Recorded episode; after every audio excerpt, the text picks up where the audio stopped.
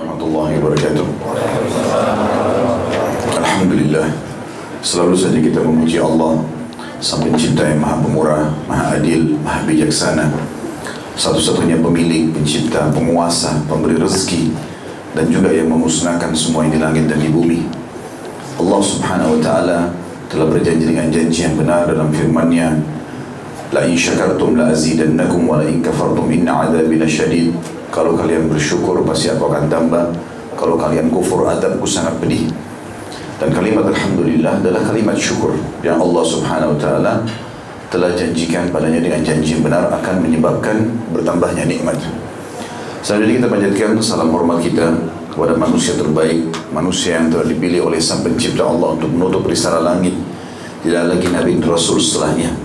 Orang yang paling sempurna jalur nasabnya, fisiknya, ilmunya. Orang yang telah diperintahkan oleh Allah subhanahu wa ta'ala untuk dijadikan sebagai suri tauladan. Dan juga mengucapkan satu kali salam hormat kepadanya dibalas oleh Allah sepuluh kali tambahan rahmat dan rahmat Allah luas sekali. Masuk dalamnya pengampunan dosa peninggian derajat dan pemenuhan segala kebutuhan. Maka sangat wajar kalau kita juga selalu memanjatkan salawat dan taslim kepada Nabi besar Muhammad sallallahu alaihi wasallam. Lanjutkan bedah buku kita Sahih Hadis Kursi yang ditulis oleh Syekh Muhammad Al-Adawi.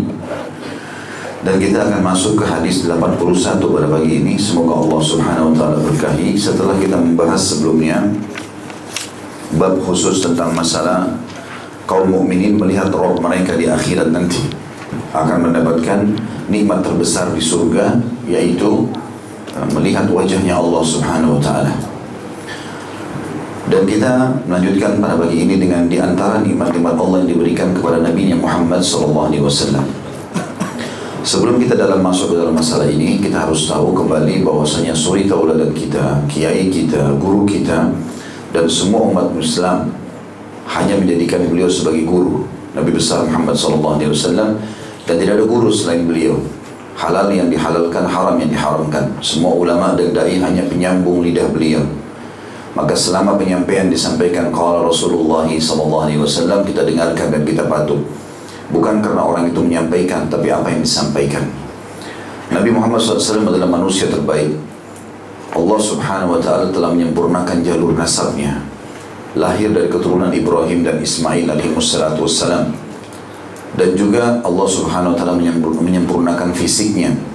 Secara fisik berkulit putih, berwajah tampan, berpostur tubuh yang kekar dan tinggi, rambutnya hitam, berombak, kadang-kadang dibiarkan sampai kuping atau sampai pundak.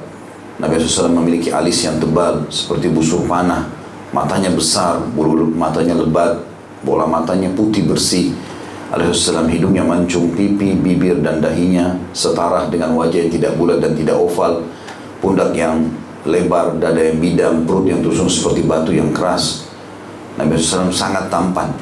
Sampai kata sebagian ulama, kalau Yusuf diberikan seperti kekayaan dunia, maka Nabi Muhammad SAW diberikan semuanya. Maka setiap orang lihat pasti suka gitu. Secara fisik. Itu juga dengan akhlak.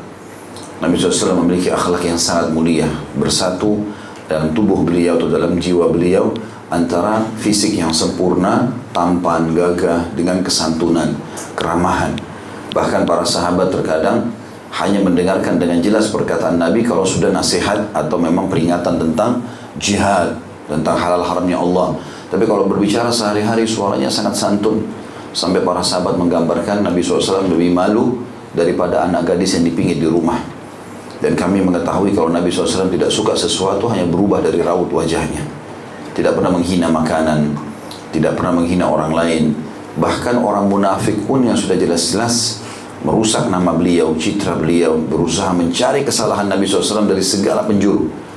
Istrinya Aisyah radhiyallahu anha dituduh berzina, Kemudian pada saat ingin perang tabuk dianggap mempengaruhi orang dan menyiksa orang karena pergi di panas matahari dan akan panen kurma pada saat itu. Dan segala macam tuduhan. Tapi pada saat Umar bin Khattab mengatakan, Ya Rasulullah, ini orang-orang munafik, izinkan saya menebas lehernya saja. Kami tahu orangnya, Anda tinggal tunjuk kami bunuh, selesai. Jadi fitnahnya selesai. Daripada ngomong terus. Apa jawaban Nabi SAW? Tidak hai Umar, jangan sampai orang mengatakan Muhammad membunuh sahabatnya. Karena mereka berbaur sama kita. Mereka memakai baju kita, menggunakan bahasa kita, walaupun munafik, tapi ngakunya muslim. Nanti orang menyebarkan isu kalau Muhammad bunuh sahabatnya. Saking rahmah kasih sayang yang dimiliki oleh beliau sallallahu alaihi wasallam.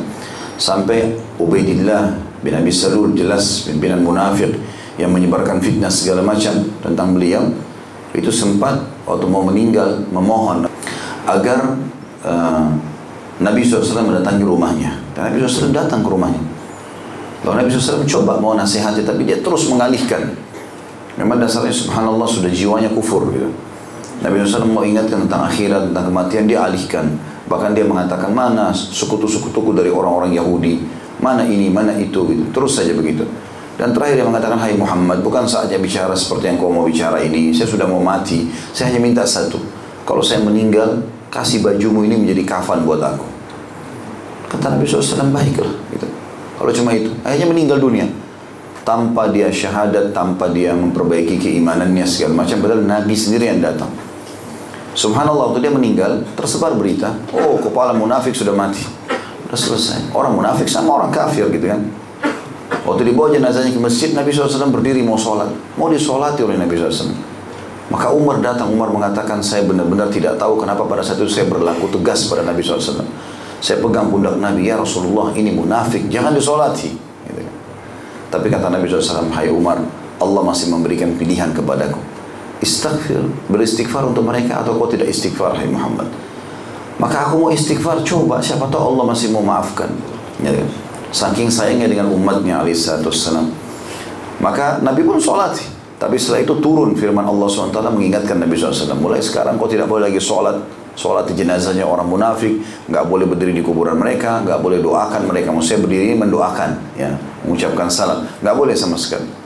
Tapi Nabi SAW dengan penuh kasih sayang menghadapi umat ini dengan sangat tenang. Beliau lebih pentingkan bagaimana agama tersebar daripada dendam. Beliau lebih pentingkan kasih sayang daripada kebencian. Ya. Jadi akhirnya dakwanya diterima oleh umumnya manusia. Kecuali memang dasarnya orang-orang itu pembangkang yang memang sudah tidak mau lagi memasukkan hidayah dalam hatinya, barulah kemudian dia uh, berubah gitu. Sumama radhiyallahu anhu salah satu suku Bani Hanif ya Bani Hanifah ini suku yang besar yang mensuplai makanan atau pangan ke Mekah. Rupanya Muhammad bin Maslamah, salah satu sahabat Nabi, disuruh oleh Nabi SAW untuk menyerang satu suku. Suku itu bubar semuanya, ketakutan lagi mendengar pasukan muslimin. Waktu dia mau pulang ke Madinah, lewatlah Sumama. Sumama ini bukan dari suku itu. Dan Muhammad bin Maslamah tidak kenal dia gitu. Maka Nabi SAW, eh, Muhammad bin Maslamah pun radhiyallahu anhu sahabat Nabi menangkap Sumama. Lalu Nabi SAW tanya, bagaimana dengan hasilmu hai uh, Muhammad? Dia bilang, ya Rasulullah, saya menawan orang-orang dan saya juga membawa harta rampasan perang.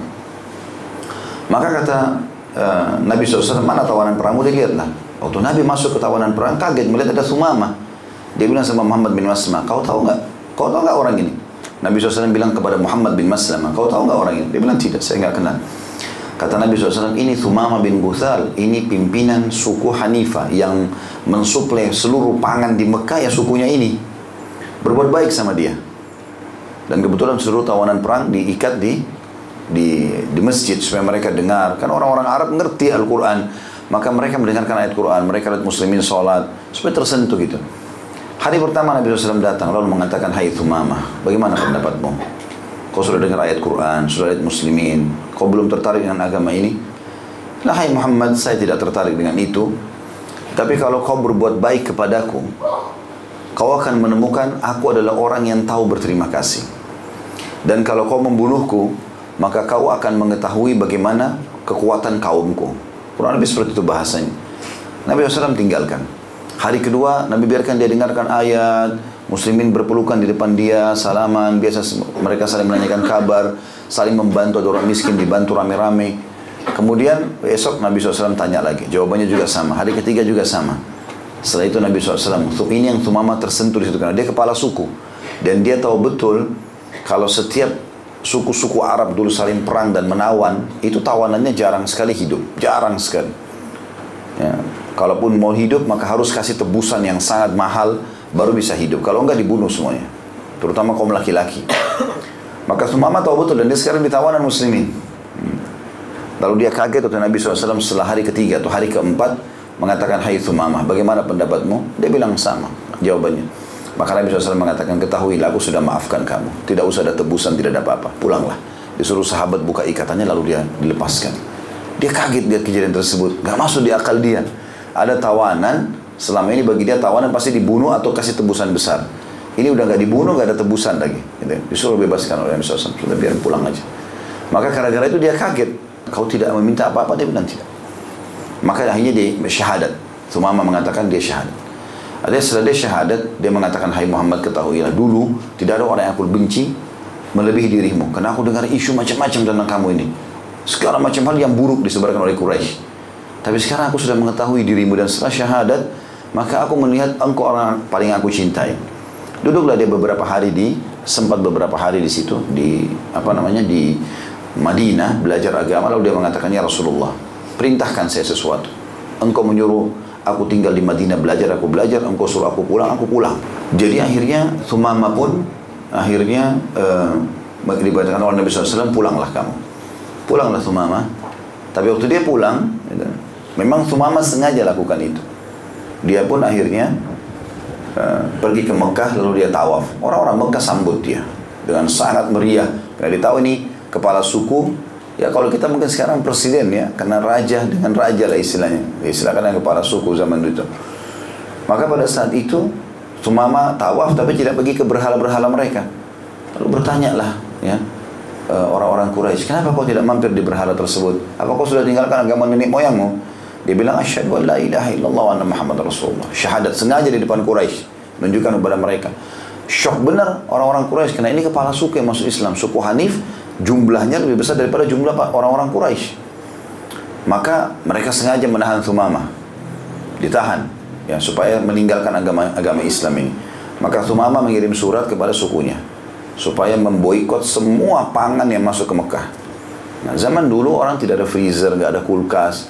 Maka orang kalau belanja makanan per hari, besok beli lagi, lusa beli lagi, seperti itulah. Hari pertama diboikot, hari itu nggak ada makanan masuk ke Mekah. Quraisy sudah tahu ini. Pasti sebabnya dari Thumama.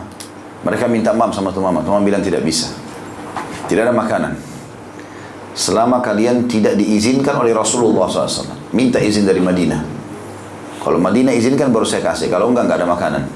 Bukan cuma itu. Setiap orang yang mau bawa makanan kepada kalian, saya akan boikot. Pasukan saya semuanya menahan itu.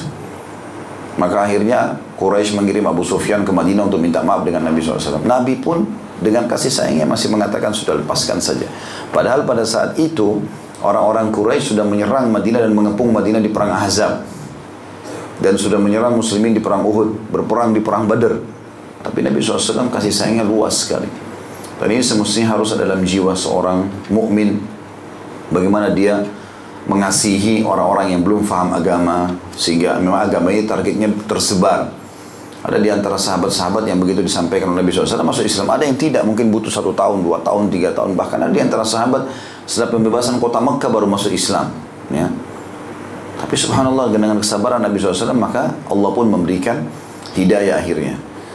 Yang jelas karena kasih sayang yang sangat luas, ya, jiwanya yang besar, dadanya yang lapang alaihissalam, maka Allah subhanahu wa ta'ala menjadikan dia Nabi penutup dan juga Allah Subhanahu wa taala menjadikan dia satu-satunya nabi dan rasul yang diutus untuk seluruh alam semesta. Karena nabi-nabi sebelum beliau siapa pun itu, Isa, Musa, Daud, Ayub, Yunus, semua ini sampai ke Idris alaihissalam semuanya itu hanya untuk kaumnya saja. Jadi kadang-kadang satu daerah ada nabi, di daerah sebelahnya juga ada nabi lagi. Gitu. Jadi kayak di Indonesia, di Jakarta ada nabi, di Surabaya ada nabi. Seperti Nabi Ibrahim AS dakwanya di Palestina. Ponakan dia Nabi Lut di sebelahnya di Jordania. Perbatasan cuma lembah saja. Gitu. Tapi Nabi Muhammad SAW tidak ada lagi Nabi bersama beliau. Maka Allah SWT muliakan. Bukan cuma itu. Karena kesabarannya, karena kasih sayangnya Allah menyiapkan banyak sekali sesuatu yang mewah dan istimewa itu nanti di akhirat. Dan itu yang akan menjadi bahasan kita. Jadi apa sebabnya? Kalau nanti kita bahas ini apa sebabnya Nabi SAW diberikan semua kemuliaan ini? Justru karena memang kesabarannya dalam berdakwah. Dan para ilmuwan pun sekarang yang mencatat sejarah dunia dan mengenang kisah para pemimpin dunia itu mereka kalau fair mereka akan mengatakan memang Muhammad SAW adalah pemimpin yang paling sukses. Hanya dengan 10 tahun fase Madinah Fase Mekah tidak dihitung. Walaupun kalau mau dihitung cuma 23 tahun kalau digabung. 10 tahun kepemimpinan di Madinah ya, itu sudah cukup untuk menjadi atau menyebarkan agama atau ajarannya sampai sekarang menjadi pengikut eh, manusia terbanyak ya. Setengah dari populasi manusia ini kurang lebih adalah kaum muslimin. Disebutkan di hadis pertama berhubungan dengan masalah nikmat-nikmat Allah yang diberikan kepada Nabi Muhammad SAW adalah hadis nomor 81 dengan sanad hasan. Dari Ibnu Abbas radhiyallahu anhu dia menuturkan Rasulullah SAW bersabda Sa'altu Rabbiya Sa'altu Rabbi mas'alatan wadidtu anni lam as'alhu. Qultu ya Rabbi kanat qabli rusulun minhum man sakharta lahum riyah wa minhum man kana yuhyi al-mauta. Qala alam ajidka yatiman fa'awaituka? Alam ajidka dhalan fahadaituka?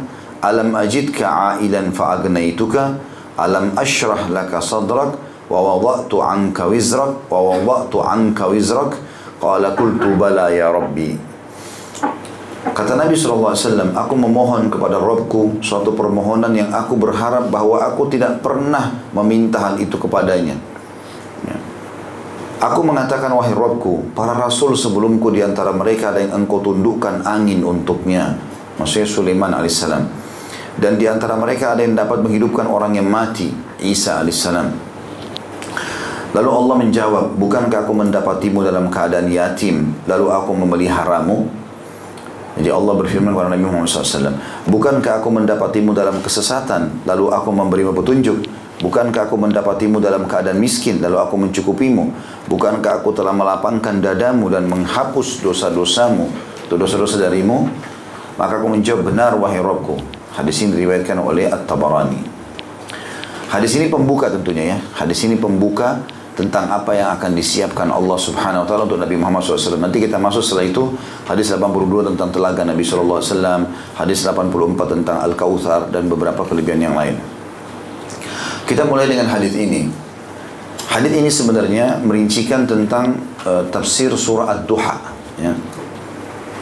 Ad-Duha ini teman-teman sekalian turunnya di fase waktu di mana sempat terputus wahyu. Ya. Jadi Nabi SAW sempat menerima wahyu pertama, lima ayat pertama surah Al-Alaq.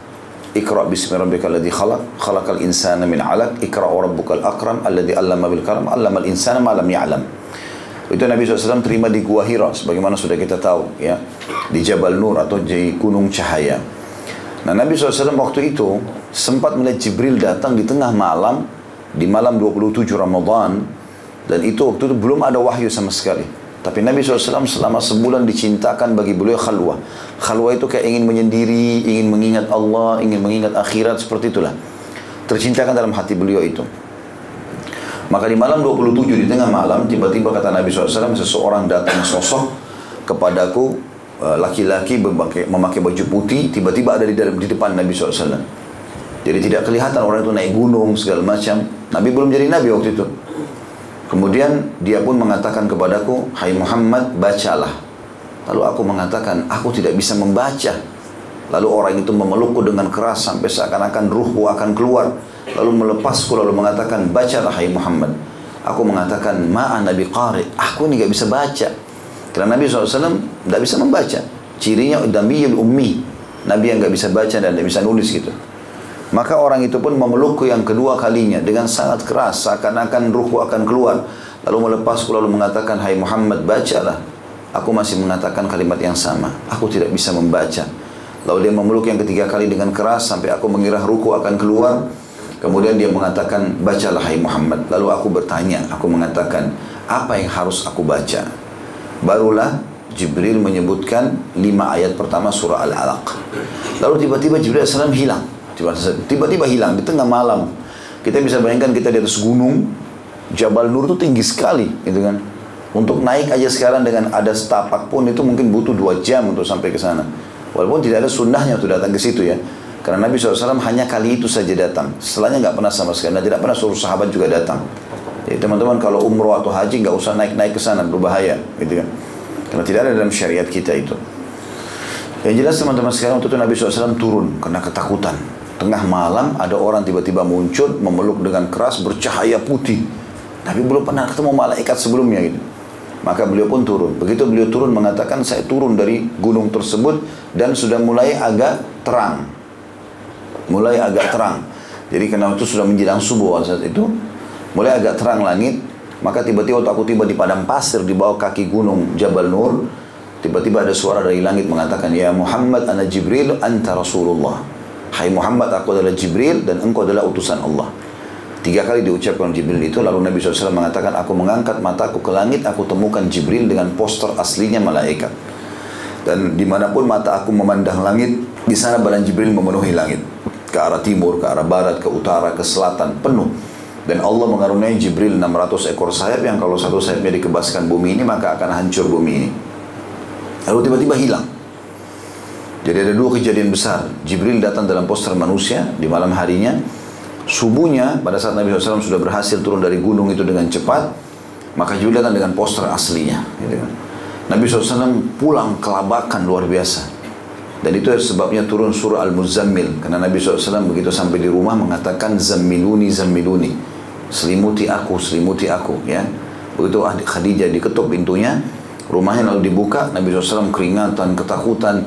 Lalu dia mengatakan Zammiluni, Zammiluni. Selimuti aku, selimuti aku. Maka Khadijah pun menyelimuti Nabi SAW. Setelah diselimuti, lalu sudah sudah mulai tenang, baru Khadijah tanya, ada apa hai Muhammad? Ada apa hai suamiku? Waktu itu Khadijah pun belum tahu. Dan Nabi Muhammad SAW pun belum tahu itu. Baru mulai dari cerita, semua kisahnya tadi, bagaimana tadi malam, bagaimana ini, bagaimana itu.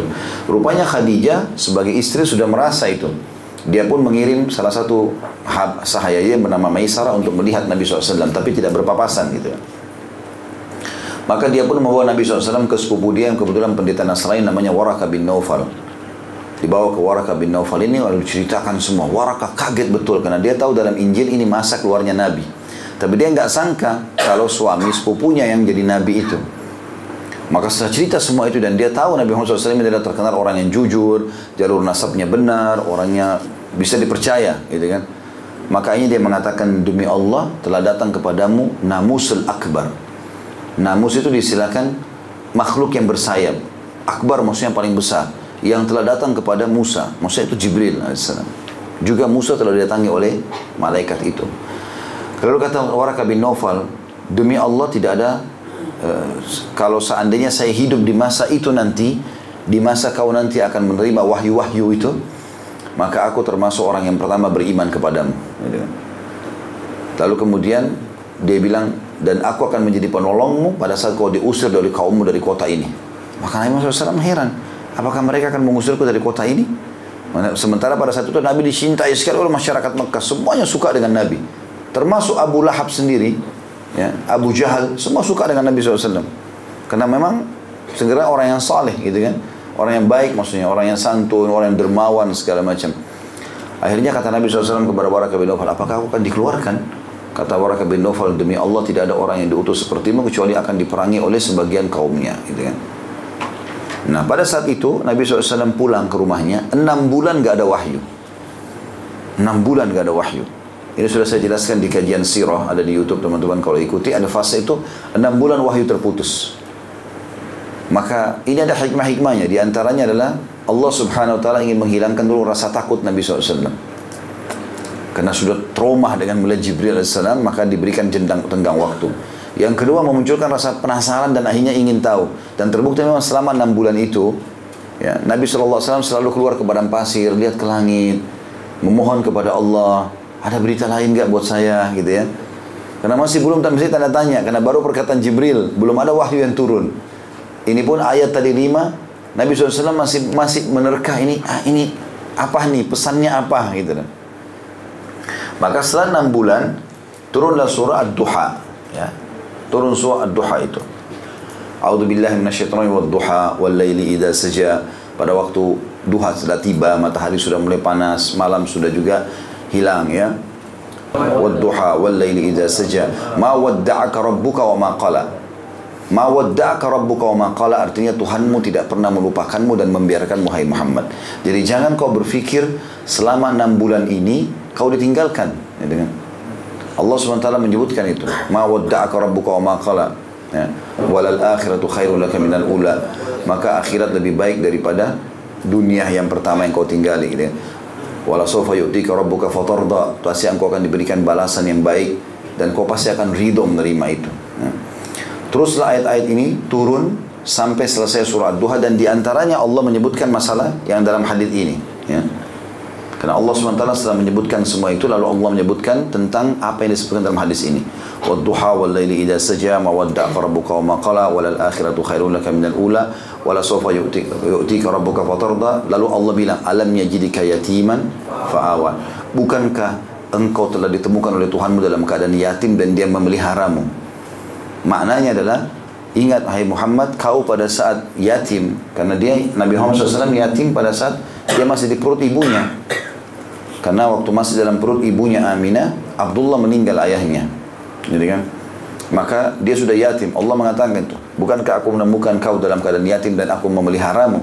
Artinya, tiba-tiba kau bisa dipelihara oleh ibumu Aminah, kemudian rezeki tetap berjalan, terus ada setelah Aminah meninggal di umur 6 tahun, ada Abu Talib yang memeliharamu, paman, uh, ada Abdul, Abdul Muttalib kakeknya selama 2 tahun sampai 8 tahun, lalu 8 tahun sampai menikah, sampai umur 25 tahun itu bersama pamannya Abu Talib gitu kan. Setelah menikah pun Allah Subhanahu wa taala berikan juga istri yang baik yang kaya yang membantu Nabi sallallahu alaihi wasallam dalam banyak hal. Maka Allah Subhanahu wa taala sebutkan nikmat itu. Alam yajidika yatiman fa'awa wa wajadaka dhallan fahada. Dan Allah menemukanmu dalam keadaan sesat sementara kamu diberikan petunjuk. Makna sesat sini bukan nabi sesat ya. Bukan makna itu. Maksudnya kau belum mengetahui agama ini. Karena belum turun wahyu jadi kita tidak katakan Nabi SAW sesat di sini, tapi Nabi SAW makna di sini alam yadika yatiman fa'a wa wajadaka fahada makna dan uh, Tuhanmu menemukan kau dalam keadaan belum memahami agama ini. Lalu engkau diberikan petunjuk sampai akhirnya dapat wahyu gitu kan? Kemudian Allah terus sebutkan seperti dalam ayat ini dalam hadis ini juga disebutkan alam yajidika yatiman fa'awa wajadaka dhalan fahada wajadaka a'ilan fa'agna. A'il artinya miskin Lalu Allah kayakan kamu. Terbukti kau bisa berbisnis, akhirnya kamu dari gembala kambing terus kemudian berbisnis. Karena gembala kambing dari umur 8 tahun sampai 21 tahun.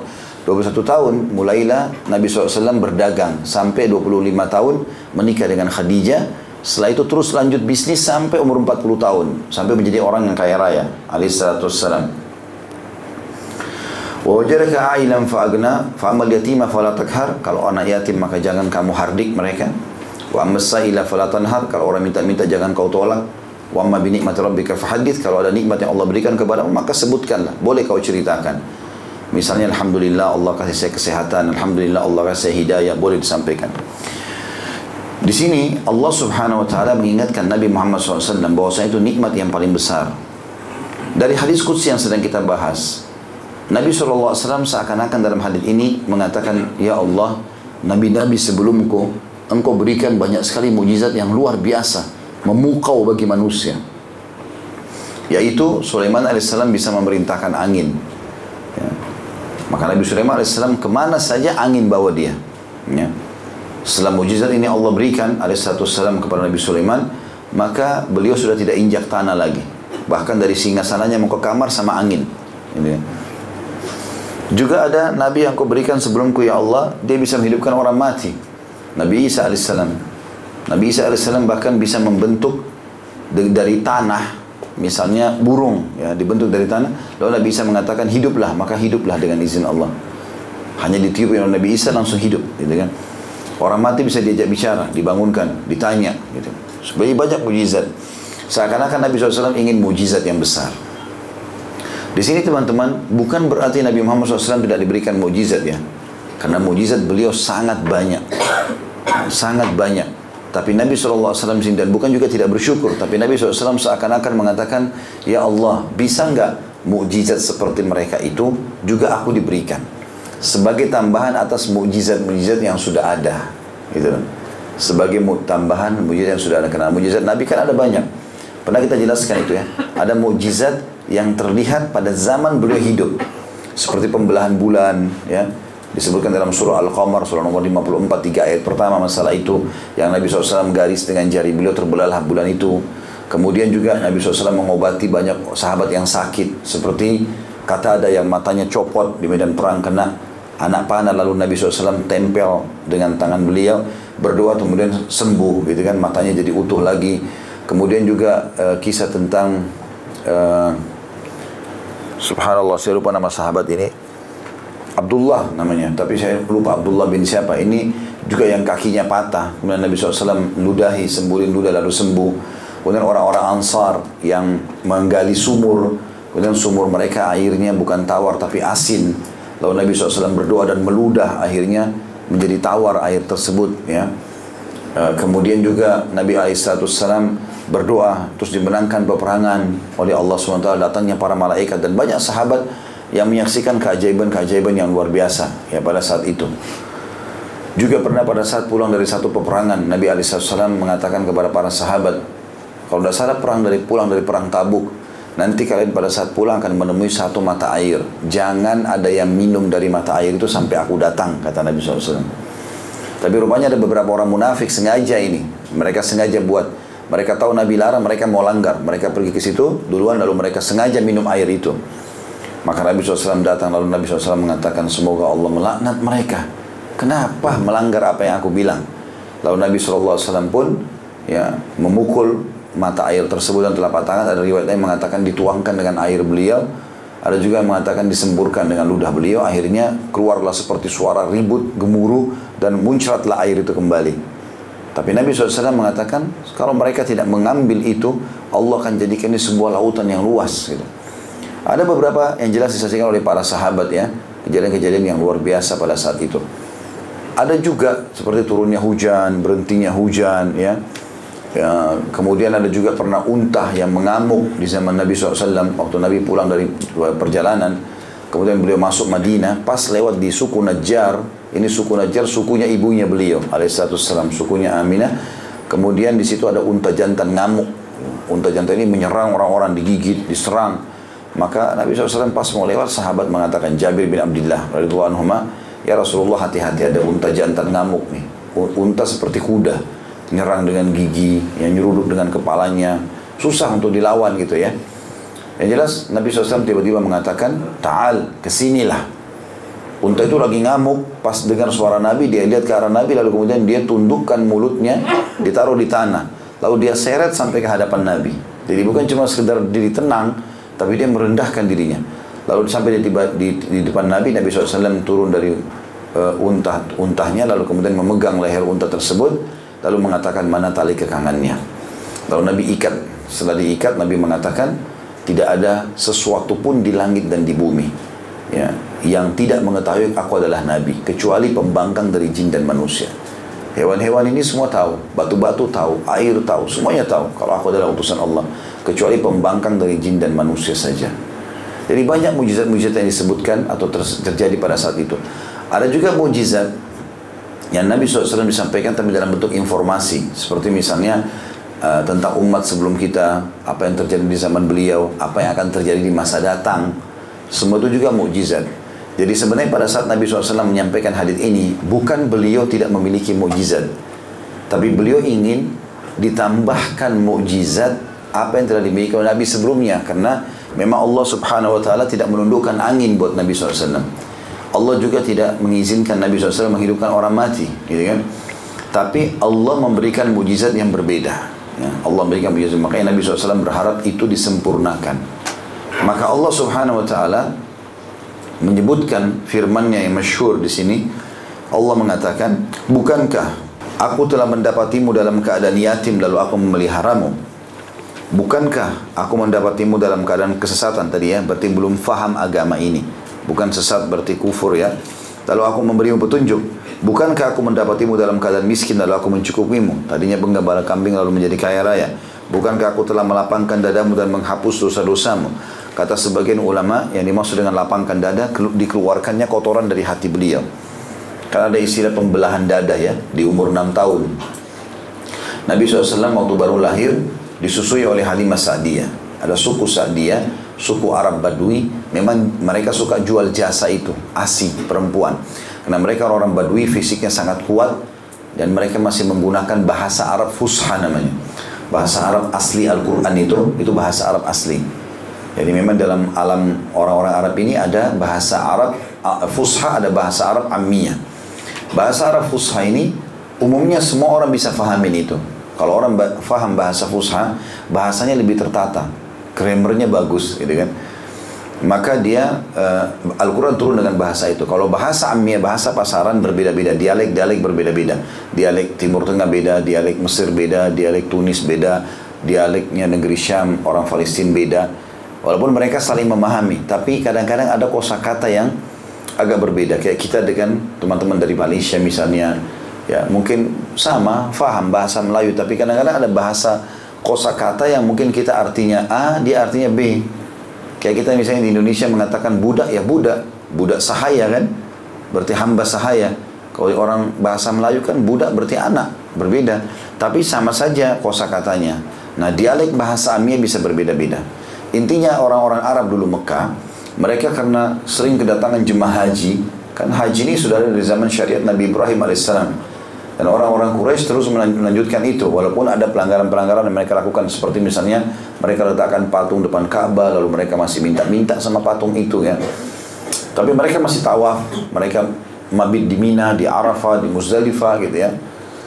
Intinya pada saat itu Halimah Sa'diyah datang dengan sukunya untuk mengambil anak-anak Quraisy dan disusui. Nah waktu Nabi SAW baru lahir termasuk Nabi yang akan di, disusui. Aminah ingin berikan kepada orang-orang. Tapi semua suku Sa'diyah nolak untuk mengambil Nabi SAW. Karena dianggap Nabi yatim. nggak ada ayahnya. Siapa yang mau bayar nanti jasanya setelah dua tahun disusuin. Gitu. Dan orang Arab memberikan itu nanti dua tahun kemudian dikembalikan anak mereka dibayarlah jasanya atau kadang-kadang mereka memberi secara cicilan. Ya, sekaligus anak-anak Arab Quraisy tinggal di padang pasir supaya dapat ASI yang sehat dari ibu-ibu Badu yang kuat badannya dan juga supaya bisa menjaga bahasa Arab Fusha itu, bahasa Arab asli. Assalamualaikum.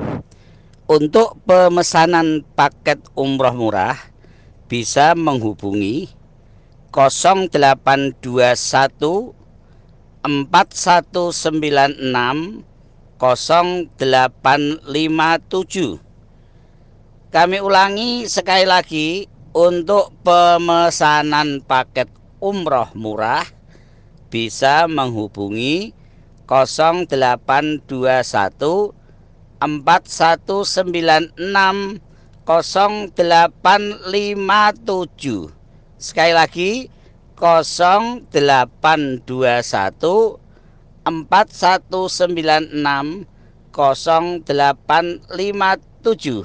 Terima kasih. Maka Nabi SAW, eh, Halimah pun setelah keliling-keliling nggak dapat juga dia anak. Teman-temannya semua dapat anak bayaran. Maka suaminya bilang, Hai Halimah, alangkah baiknya kalau kau ambil anak yatim itu siapa tahu jadi berkah. Maka diambillah oleh Halimah. Halimah ini waktu datang dari kampungnya ke Mekah, kampungnya itu uh, Sa'diyah ini berada di wilayah dekat kota Taif, sekitar 60 km dari 70 km dari dari Mekah. Kalau Taifnya sendiri 80 km ini sebelumnya, ya. Yang jelas itu ada suku Sa'diyah uh, dan mereka jalan dan Halimah naik keledai, keledainya itu lemah sekali, keledainya kurus dan lambat. Sampai teman-temannya mengatakan, Hai Halimah cepatlah kau buat kami terlambat. Dia bilang, saya nggak bisa buat apa-apa, keledainya lemah begini. Saya juga kalau jalan kaki lebih lama lagi gitu. Tapi subhanallah begitu dia terima bayi Nabi SAW maka tiba-tiba waktu Halimah naik ke keledainya, keledainya lebih cepat daripada keledai teman-temannya. Gitu kan? Sampai mereka mengatakan, Hai Halimah, apa ini keledai yang tadi kau pakai dari kampung kita? Dia mengatakan, iya. Oh, kenapa kok bisa berubah tiba-tiba? Dia bilang, saya juga nggak tahu. Pas tiba di perkampungan sana, keberkahan Allah berikan, maka Halimah punya uh, unta jantan dan betina tapi kurus semuanya. Halimah orang miskin. Ada kambing juga jantan sama betina tapi kurus semuanya. Subhanallah tiba-tiba gemuk dan uh, apa namanya yang betinanya hamil lalu melahirkan banyak anak. Dan makin menjadi banyak unta dan uh, kambingnya Halimah. Akhirnya suaminya mengatakan, lihatlah bagaimana dikasih keberkahan oleh Tuhan, oleh Allah SWT seperti ini. Maka setiap kali orang-orang dia dulu mau mengembala kambing atau domba atau unta, mereka mengatakan gembalakan di mana tempatnya Halimah gembalakan. Karena kalau mereka ikutkan gembalakan di situ, kambing mereka ikut gemuk. Karena keberkahannya lah. Nah teruslah Nabi SAW tumbuh besar dan Halimah Sa'diyah menceritakan kalau Nabi SAW itu tumbuh besar be- beda seperti anak-anak biasa. Bahkan pada saat dia 2 tahun sudah seperti anak 6 tahun. Lebih dewasa lah gitu, lebih besar. Sampai akhirnya setelah 2 tahun Halimah kembali ke Mekah dan minta izin kepada Aminah mengatakan tolong Muhammad jangan diambil. Setiap saat anda mau kami antar. Tinggal datang ke kampung kami minta atau kami datang antar. Tapi jangan diambil. Anak ini banyak berkahnya. Karena jadi banyak, jadi kaya Halimah saat dia gara-gara itu. Dia takut nanti Nabi dikembalikan ini hilang semua gitu. Nah, makanya Aminah mengizinkan baiklah nggak masalah. Ditinggal ditinggallah Nabi SAW sampai umur 6 tahun. Ya. Tiba-tiba Halimah Sa'diyah ingin memulangkan Nabi SAW. Kenapa Nabi? Kenapa ingin dipulangkan? Karena ada kejadian. Halimah lagi masak, tiba-tiba kakak susuan Nabi, laki-laki, anaknya Halimah yang lebih tua mengatakan, Hai ibuku, saudaraku dari Quraisy telah digulati oleh dua orang. Gitu kan? Maka lihatlah segera, maka Halimah lari-lari. Cari, di mana Muhammad? Di padang pasir. Pasti di sana Nabi SAW tergeletak di tanah. Lalu Halimah tanya, ada apa hai Muhammad? Apa kau baik-baik saja? Dia bilang, iya. Apa ceritanya? Dia bilang, datang kepada saya dua orang, saya tidak kenal, pakai baju putih, tiba-tiba menjatuhkanku ke tanah, lalu membuka bajuku dan merobek dadaku, membelah dadaku dan mengeluarkan sesuatu yang hitam dari situ. Kemudian mereka membuangnya dan menutup kembali dadaku. Halimah begitu buka, memang ada ada tanda jahitan di dada Nabi SAW. Tadinya tidak ada, gitu kan? Maka karena itu dia ketakutan, dia pulangkan Nabi SAW ke Mekah. Dia mengatakan kepada Aminah, ini anakmu, ya, aman, gak ada masalah, ambil saja gitu. Ya, dalam buku-buku sirah begitu. Maka Aminah bilang, aneh benar kok tumben mau dipulangkan. Kemarin kan malah minta-minta tolong. Pasti ada sesuatu, enggak, enggak ada apa-apa. Ceritalah yang benar gitu. Akhirnya mereka ceritakan. Tapi Aminah tidak takut. Aminah mengatakan, apakah kalian khawatir anaknya diganggu oleh jin? Itu nggak mungkin terjadi. Karena pada saat saya hamil dia, saya mimpi mengucapkan kalimat saya berlindung kepada Allah yang Maha Agung dari setan yang terkutuk dan dari mata yang hasad ya, untuk bayi ini gitu. Yang jelas intinya pada saat itu sempat dikeluarkan dari Nabi SAW gumpalan berwarna hitam. Dalam riwayat lain dijelaskan kalau itu adalah semua penyakit hati. Apa pun sifatnya, iri, dengki, segala macam ini, ini semua dicabut oleh Allah SWT dibersihkan. Ini makna potongan itu. Bukankah kami telah melapangkan dadamu dan menghapus dosa-dosamu. Artinya mengeluarkan semua sifat itu. Maka aku pun menjawab, benar wahai Robku. Baik kita masuk ke kelebihan yang diberikan kepada Nabi SAW di akhirat nanti kita bicara akhirat. Kalau dunia sudah kita sebutkan tadi garis besarnya. Hadis nomor 82 dengan sanad sahih dari Anas radhiyallahu anhu dari Nabi SAW beliau bersabda, "La yaridanna alayya nasun min ashabil haud hatta araftuhum ukhliju duni. Fa'akul ukhtuliju ya maaf saya ulangi. La yaridanna alayya nasun min ashabil hawda hatta araftuhum ukhtuliju duni. Fa'akul ashabi fayakul la tadri ma ahdathu ba'dak. Sungguh sejumlah orang dari sahabatku mendatangiku di telaga hingga aku melihat mereka maka mereka dihalau dariku. Aku mengatakan, mereka adalah para sahabatku. Allah berfirman, kau tidak tahu apa yang mereka ada-adakan atau adakan sepeninggalmu. Hadis ini riwayat Bukhari Muslim.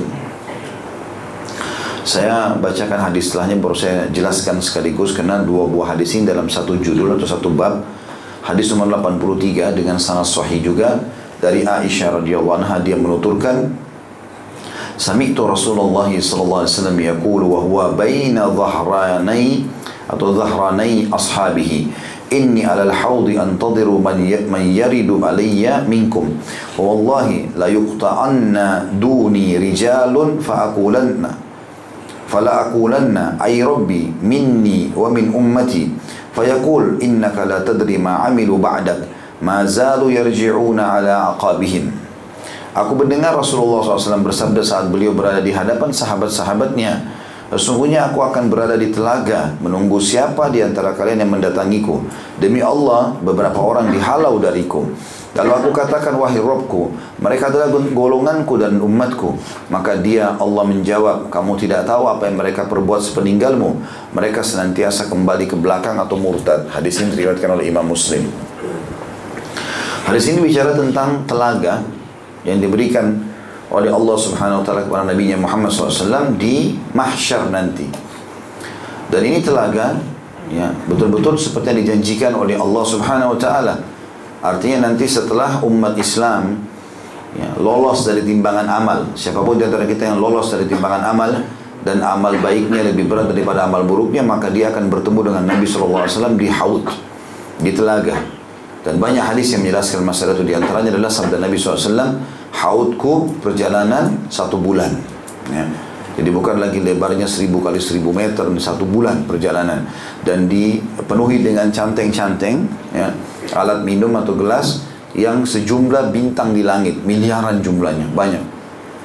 Siapa pun yang minum darinya dari telaga itu satu satu teguk maka dia tidak akan pernah haus selamanya. Riwayat yang lain menjelaskan haud itu ya, adalah air yang mengalir dan sumber mata airnya ada di surga. Sumber mata airnya ada di surga. Ini dikhususkan untuk Nabi SAW di mahsyar nanti diberikan kepada umatnya.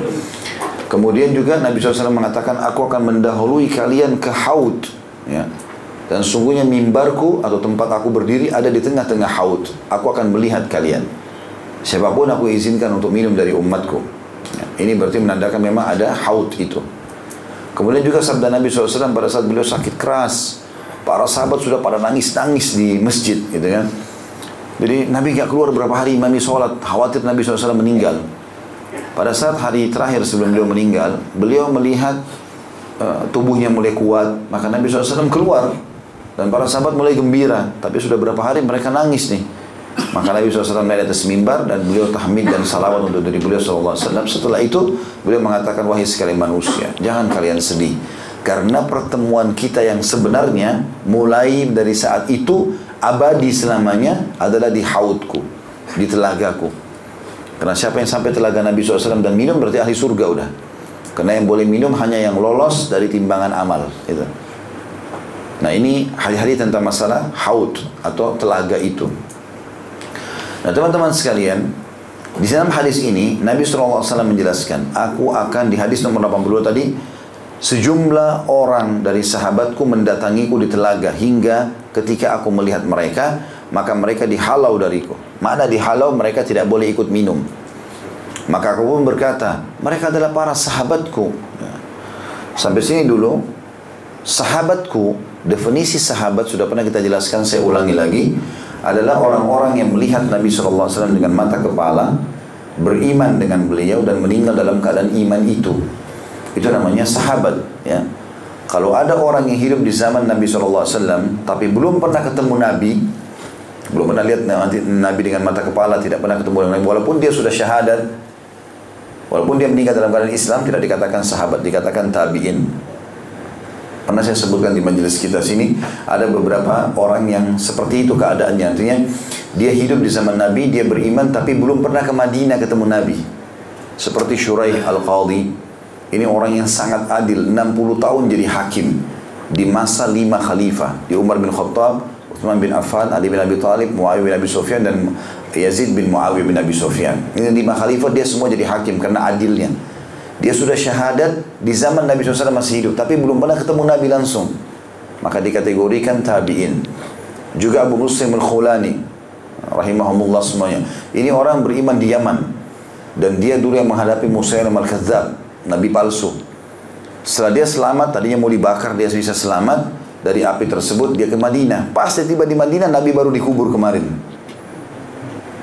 Maka dia dikategorikan seorang tabi'in. Jadi sahabat itu memang harus ketemu dengan Nabi langsung. Walaupun cuma sesaat. Walaupun cuma saat datang, syahadat, lalu dia pulang, maka dikategorikan sahabat. Tapi syaratnya memang dia meninggal dalam keadaan Islam juga ya. Nah rupanya Nabi Alaihissalam pada saat itu, terutama setelah perang Tabuk. Perang Tabuk ini teman-teman, pasukan muslimin mendatangi wilayah kekuasaan Romawi. Dan Romawi waktu itu adalah negara adik kuasa yang nomor satu Nomor dua Persia, mereka nomor satu. Allah turunkan surah Ar-Rum tentang bangsa Romawi ini. Ada surah khusus, surah nomor 30 dalam Al-Quran. Menceritakan tentang kisah kemenangan mereka melawan Persia. Yang jelas teman-teman sekalian, Nabi SAW datang ke sana. Dan yang menjadi rajanya Heraklius. Heraklius ini seorang pendeta yang pernah syahadat tapi murtad. Dia pernah syahadat dulu beberapa waktu yang lalu waktu Nabi SAW kirim pen, uh, surat untuk mengajak para nabi raja-raja masuk Islam, dia baca dia kaget, dia gemetar. Kemudian dia masuk Islam. Dia masuk Islam di tangan sahabat Nabi. Dia kumpulkan para pendeta, kemudian dia pun mengajak mereka untuk masuk Islam. Tapi para pendeta tidak mau meninggalkan ajaran Nabi Isa. Ya, kan? Maka terjadilah kekacauan di kerajaan dia. Nah, karena dia takut kehilangan kerajaannya, maka dia tinggalkan agama Islam. Walaupun dia sempat bilang sama sahabat Nabi yang mengantar surat itu yang mengatakan, sampaikanlah kepada Rasulullah kalau saya telah beriman kepadanya dan andai saja ya saya ada di dekatnya maka saya akan mencuci kakinya gitu kan. Ternyata waktu sahabat itu menyampaikan ke Madinah ya Rasulullah begini ceritanya. Kata Nabi SAW dia bohong. Dia telah meninggalkan agama ini demi untuk kejudukannya nah Nabi SAW datang setelah berapa tahun setelah kejadian itu ya setahun atau dua tahun setelah menyerang wilayah Heriklus ini. Dan Heriklus tahu betul kalau ini Nabi. Dia tahu benar. Maka dia bilang sama pasukannya, walaupun pasukan waktu itu yang berkumpul kurang lebih 30 ribu orang dari muslimin. Pasukan Romawi itu 250 ribu. Dia besar sekali. Dan mereka secara kuantitas bisa mengalahkan muslimin. Tapi dia tahu ini adalah Nabi. Maka dia bilang sama para pendeta, kalau kalian dulu saya ajak masuk agamanya nggak mau, maka sekarang kalau mau dengar saran saya jangan lawan dia. Percuma. Kalau kita lawan dia, dia nabi. Dan pasti kita kalah. Gak mungkin tidak. Maka orang-orang Romawi tidak ada yang keluar pada saat itu.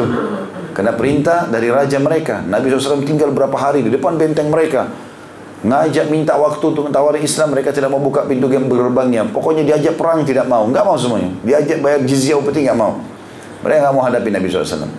Akhirnya Nabi pulang. Nah waktu Nabi pulang tersebar berita di Jazirah Arab. Kalau Romawi pun takut sama orang Islam. Suku-suku Arab yang ada di Jazirah Arab ini yang kecil-kecil ini ketakutan semua. Mereka berbondong-bondong datang ke Madinah lalu mereka masuk Islam. Makanya Allah SWT mengatakan dalam Al-Quran tuh, وَرَأَيْتَ النَّاسَ يَدْخُلُونَ فِي دِينِ اللَّهِ أَفْوَاجًا ya. Maka pada saat itu hai Muhammad engkau melihat manusia berbondong-bondong datang mengan, meng, meng, apa, masuk dalam agama Allah. Pada saat Nabi pulang dari perang Tabuk itu suku-suku datang ratusan orang, seratus orang, ya 200 orang, 500 orang sampai Madinah sesak. Karena banyaknya orang pada saat itu. Datang syahadat pulang, datang syahadat pulang, gitu loh. Nah, orang-orang ini beda kedudukan imannya sama sahabat-sahabat yang dari awal kayak Abu Bakar, kayak Umar apa memang sudah ikut peperangan Nabi, duduk di majelis Nabi kan beda. Nah, waktu Nabi SAW meninggal, ada di antara mereka yang murtad. Karena kan tadi masuk Islam karena takut, gitu kan. Maka mereka belum sempat belajar Islam segala macam, akhirnya mereka murtad. Nah, ini yang dimaksud dalam hadis ini. Yang kata Nabi SAW, aku diperlihatkan sahabatku yang datang lalu dihalau dariku. Makna sahabat tadi saya bilang, orang yang sudah sempat syahadat melihat Nabi, walaupun cuma saat lalu dia pulang. Nah rupanya ada di antara mereka, mereka setelah Nabi SAW meninggal murtad. Terbukti di situ adalah Nabi SAW mengatakan mereka dihalau dariku, lalu aku katakan mereka adalah para sahabatku. Kenapa dihalau? Jelas-jelas aku tahu mereka sempat syahadat di hadapanku gitu. Maka Allah pun berfirman, kamu tidak tahu apa yang mereka adakan sepeninggalmu. Ya, dalam riwayat lain tadi di setelahnya lagi dikatakan nomor 83, aku mendengar Rasulullah SAW bersabda kata Aisyah, pada saat beliau berada di depan atau di hadapan para sahabat-sahabatnya, sesungguhnya aku akan datang di telaga menunggu siapa di antara kalian yang mendatangiku, yang berhasil lolos dari timbangan amal akan datang. Demi Allah beberapa orang dihalau dariku. Ada orang yang coba datang tapi ditangkap, ditahan oleh malaikat digiring ke neraka. Lalu aku katakan, wahai Robku, mereka adalah golonganku dan umatku. Aku tahu nih orang-orang nih. Maka kata Allah SWT, ini hadis kursinya di sini, kamu tidak tahu apa yang mereka perbuat sepeninggalmu, mereka senantiasa kembali ke belakang. Ada pelajaran penting dari potongan akhir hadis ini, dua buah hadis ini, yaitu Nabi Muhammad SAW sendiri tidak tahu yang gaib. Nabi Muhammad SAW sendiri tidak tahu yang gaib. Banyak buktinya. Di antaranya adalah pada saat Nabi SAW ditanya oleh beberapa orang sahabat, ya Rasulullah, ada kejadian begini, bagaimana hukumnya? Kalau wahyu belum turun, Nabi nggak jawab. Kadang-kadang Nabi SAW tunggu. Begitu ada wahyu turun, baru Nabi mengatakan, mana tadi yang bertanya itu? Oh si Fulan, eh, ini baru turun wahyu begini. Pernah ada pendeta Yahudi datang, menanyakan kepada Nabi SAW beberapa pertanyaan. Apa makanannya di surga? Pertama mereka masuk. Kata Nabi SAW, ujung hati ikan. Lalu apa yang ya makanan apa setelah itu kata Nabi SAW disembelikan buat mereka sapi yang ada di surga yang dimakan di setiap apa ujung-ujungnya, pesisirnya surga gitu kan. Kemudian terus saja orang ini bertanya, termasuk yang ditanya sama dia, kapan anak laki-laki itu bisa lahir menyerupai ayahnya, kapan anak perempuan. Lalu Nabi SAW mengatakan kalau si sperma laki-laki mendahului sperma perempuan, maksudnya lebih dulu kelimak maka anaknya laki-laki. Kalau perempuan lebih dulu kelimak maka anaknya perempuan. Terus saja Nabi SAW, Nabi SAW jawab itu. Setelah orang itu setelah dijawab dia mengatakan engkau benar hai Muhammad, kau betul Nabi. Lalu orang itu pergi tapi tidak syahadat dia. Pendeta Yahudi ini. Waktu orang itu pergi kata Nabi SAW sesungguhnya apa yang tadi dia tanya itu aku tidak tahu. Tapi Jibril datang menyampaikan kepadaku. Itu berarti memang Nabi SAW tidak tahu yang gaib kecuali datang wahyu kepadanya. Ini jelas sekali ya. Makanya kalau sekarang ada orang mengaku gaib, ini tanda tanya. Ya. Karena banyak sekali orang begitu. Saya pernah duduk sendiri sama beberapa orang yang mengaku muslim, kemudian dia mengatakan di rumah saya suka datang berita gaib. Ya. Saya kalau sholat dapat petunjuk ini, saya bisa lihat ini, saya bisa begitu, dapat berita. Ada yang mengatakan ketemu Jibril. Ya. Dan ini unik. Karena Jibril hanya disepakati oleh ulama itu hanya turun kepada para nabi-nabi, nggak datang kepada semua orang. Ya. Kalau ada di antara sahabat lihat malaikat itu yang dilihat yang ketemu sama mereka itu bukan Jibril alaihissalam, tapi malaikat secara umum, gitu kan? Walaupun mereka pernah melihat malaikat dalam uh, Jibril dalam poster manusia seperti dalam rupa Dihyal Kalbi radhiyallahu anhu. Kemudian juga pernah pada saat mengajarkan tentang hadis Islam, iman dan ihsan, tapi dalam bentuk manusia. Mereka tidak pernah melihat Jibril alaihissalam secara langsung, gitu kan? Ada di antara mereka yang mau terucapkan salam kepadanya, dia tidak tahu dari mana. Dia katakannya Rasulullah. Tadi saya dengar ada suara salam, tapi nggak ada manusia di sekitar saya. Kata Nabi SAW itu malaikat mengucapkan salam kepadamu, tapi malaikat secara umum gitu kan. Jibril ini hanya turun kepada para nabi-nabi saja. Kalau ada orang sekarang zaman ini ngaku ketemu Jibril, ini tanda tanya. Sahabat aja nggak pernah ada yang membahasakan itu gitu kan. Yang jelas-jelas hidup sama Nabi gitu kan. Tabiin tidak ada yang mengucapkan itu, bagaimana dia bisa mengatakan ini? Ya. Maka ini hati-hati. Bahkan dia cerita sama saya, orang itu sama Allah, semoga Allah kasih hidayah. Dia sempat cerita sama saya, kadang-kadang dia tanya masalah agama, tapi saya jawab sesuai dengan apa yang saya tahu, kemudian pada saat dia cerita saya luruskan. Dia bilang ada teman saya itu hebat sekali Ustaz. Kenapa hebat? Dia pernah duduk sama saya terus dia bilang, Shh, diam. Kenapa? Jibril lagi senyum dengan saya. Jibril senyum dengan dia, luar biasa. Jadi ya, sudah terjadi syaitan was-was mereka, gitu kan? Teman-teman harus paham ya, apa yang tidak terjadi pada Nabi SAW tidak akan terjadi pada kita, mustahil. Apalagi para, juga para sahabat. Seperti pernah ada seorang tabi'in, masyur dengan ibadahnya, beliau lagi sholat malam, tiba-tiba dindingnya keluar cahaya yang terang. Cahaya, tidak ada lampu zaman itu. Keluar cahaya terang di dinding. Lalu dia sempat kaget, lagi sholat ini. Tiba-tiba terdengar suara dari cahaya itu mengatakan, namanya kebetulan dia juga Muhammad. Hai Muhammad, kamu aku sudah tahu keikhlasanmu dalam ibadah kepadaku, maka mulai sekarang aku gugurkan sholat dari kamu. Gak apa-apa kau nggak sholat. Maka dia bilang, aku pun membaca A'udzubillahi rajim. Maka hilang cahaya itu. Maka murid-murid dia bilang, dari mana anda bisa tahu? Kalau itu dari syaitan. Dia bilang, Nabi saja sampai mati tetap sholat. Masa saya disuruh berhenti sholat? Nggak mungkin, kan gitu.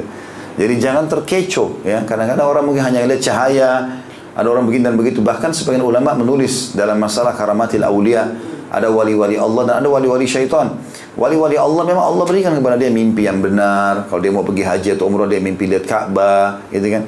Ada orang tuanya mau datang, dia mimpi datang sebelumnya. Misal dia mimpi dia bersedekah, dia mimpi masuk surga, mungkin, gitu. Ada juga karamah ada ada juga waswas syaitan. Waswas syaitan itu seperti misalnya orang mimpi melakukan perzinahan kepada orang lain, lalu kemudian terbuka lebih zina dengan orang itu karena dalam mimpi dia lihat. Dan banyak was-was syaitan yang lain ya. Banyak was-was syaitan. Di antaranya was-was syaitan adalah dia membuat orang ini misalnya dia dia suka sembah kuburan. Dianggap itu kuburan itu dikultuskan kata sebagian ulama. Maka dia bisa lihat dari kuburan itu keluar orang soleh itu. Cahaya bercahaya.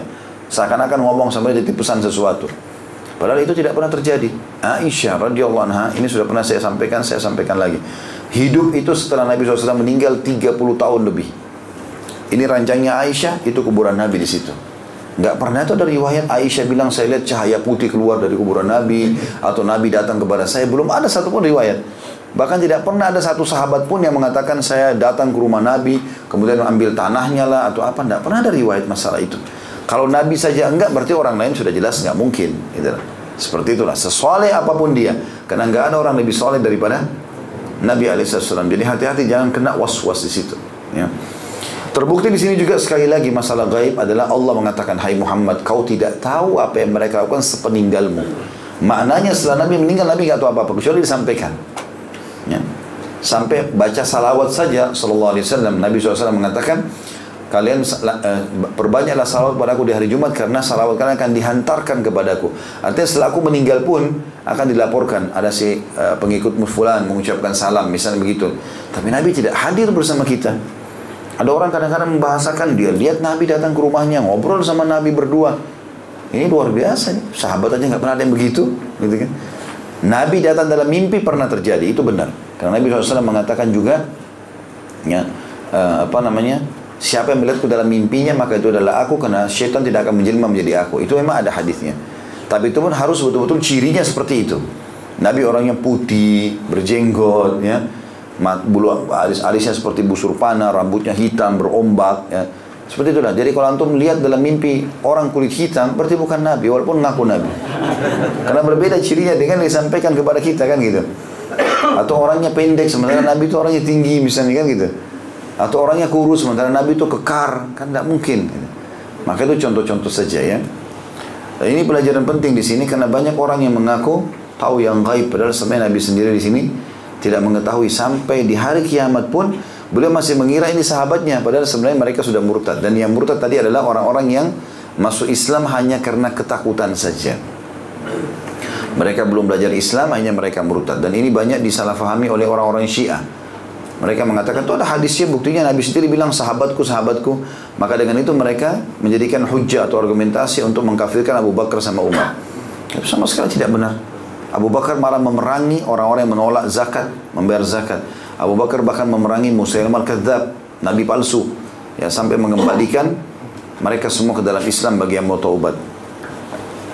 Baik selanjutnya adalah hadis nomor 84 ini yang kedua yang disebutkan dalam buku kita tentang keutamaan yang Allah siapkan untuk Nabi SAW di hari kiamat, yaitu ada Al-Kautsar. Ini juga sama sebenarnya, telaga. Telaga juga, tapi ini ada di surga. Kalau tadi uh, haud itu ada di mahsyar.